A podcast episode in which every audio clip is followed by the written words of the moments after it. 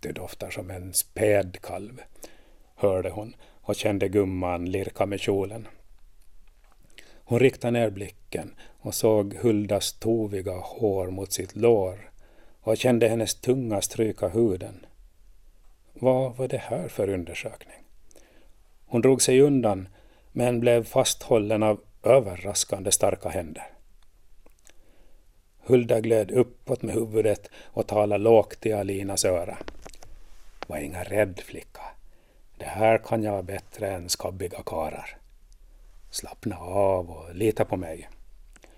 Du och jag kan ha det så gott och bli som unga raska jäntor bägge två. Jag gör dig frisk och fräsch som den nyponros du var före han där bocken. Och du gör mig ung på nytt. Känn på mig. Gummans ständigt roterande tunga kom nu på Alinas hals, jobbade sig in i hennes öra. Alinas kropp kändes domnad och världen var dimmig, men nu ville hon se klart. Ta en överblick av läget som kändes lite ovant. Hon behövde distans till gumman för en stunds eftertanke. Hon tog i bestämdare, men gummans grepp hårdnade i samma mån. Då kom rädslan över Alina och den skingrade en del av dimman och domnaden. Så att skillnaden i ålder och livsföring mellan de två kvinnorna tog ut sin rätt.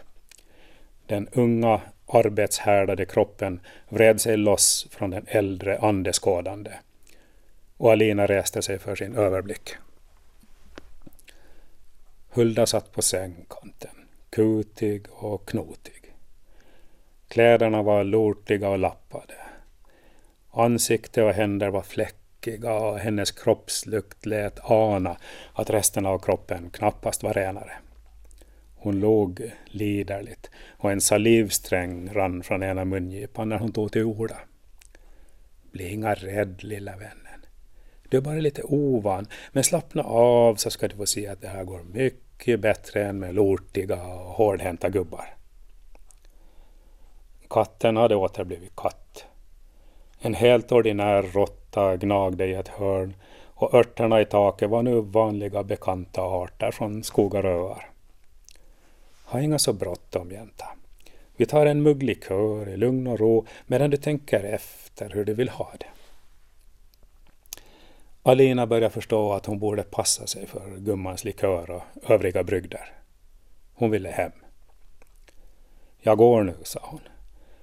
Tack för att du har hjälpt mig, men nu räcker det. Hon satte på sig rocken. Nej men stanna lilla vännen. Du har inga fått hela behandlingen ännu. Och det kan gå illa för dig. Om du inga gör klart det du har börjat på. Hulda hade blivit kärvare i tonen.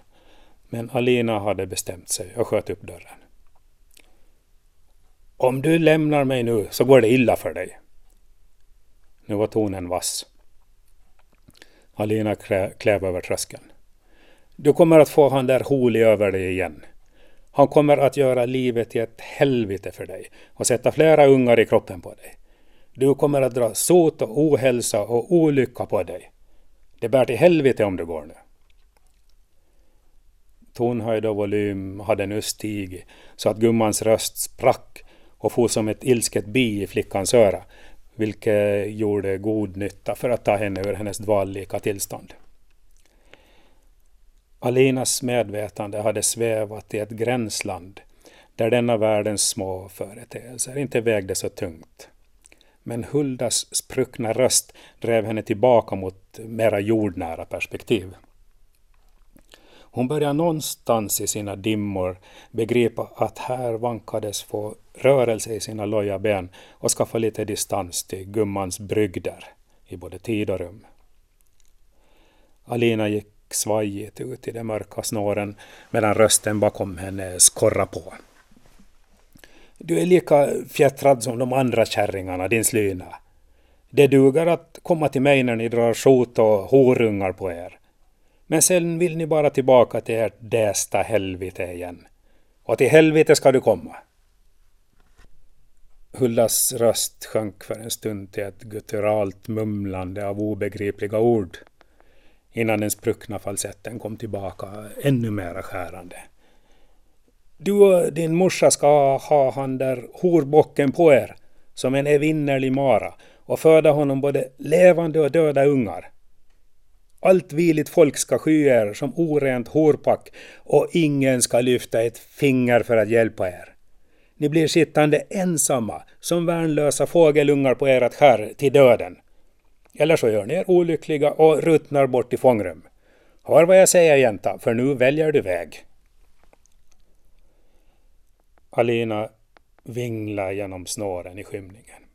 Irrade vilse och måste ett par gånger stanna för att kräkas.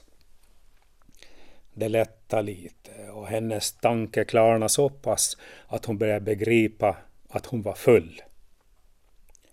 Till slut hittade hon ändå sin eka och lade ut.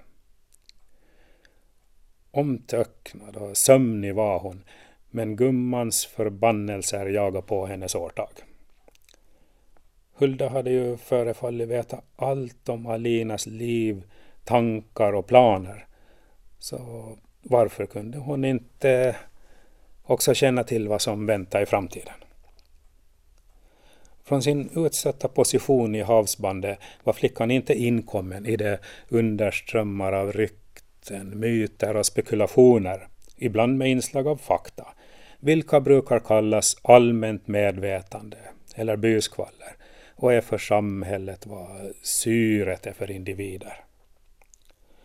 Även Hulda var i och för sig utstött. Men hon fick ofta ta del av strömningarna under ytan då hon lyssnade till betryckta människor som vände sig till henne i nöd och sjukdom. Hon kände det förborgade talet och det skikt av samhälle som inte trivdes i dagsljus och som vanligtvis avhandlades blott inom olika konstellationer av förbundna. Många var rädda för henne just för att de insåg att hon kunde överblicka det dolda samhället som andra kände endast sin egen bit av. Hon var klok och erfaren och just hennes utstötta position gav henne en distanserad klarsyn som förmådde sålla ut kornen av sanning ur flödet. Också Ida hade vänt sig till Hulda för att söka hjälp åt sin dotter. Och därför hade den kloka gumman varit grundligt informerad om Alinas situation och redo för hennes besök. Hon hade också följt en mångfald av mänskligt liv på avstånd och visste varthän sådana relationer som nu byggdes upp där ute på öarna kunde leda. Medan Alina sakta rodde ut över vattnet steg månen bort över Lämlands skärgård.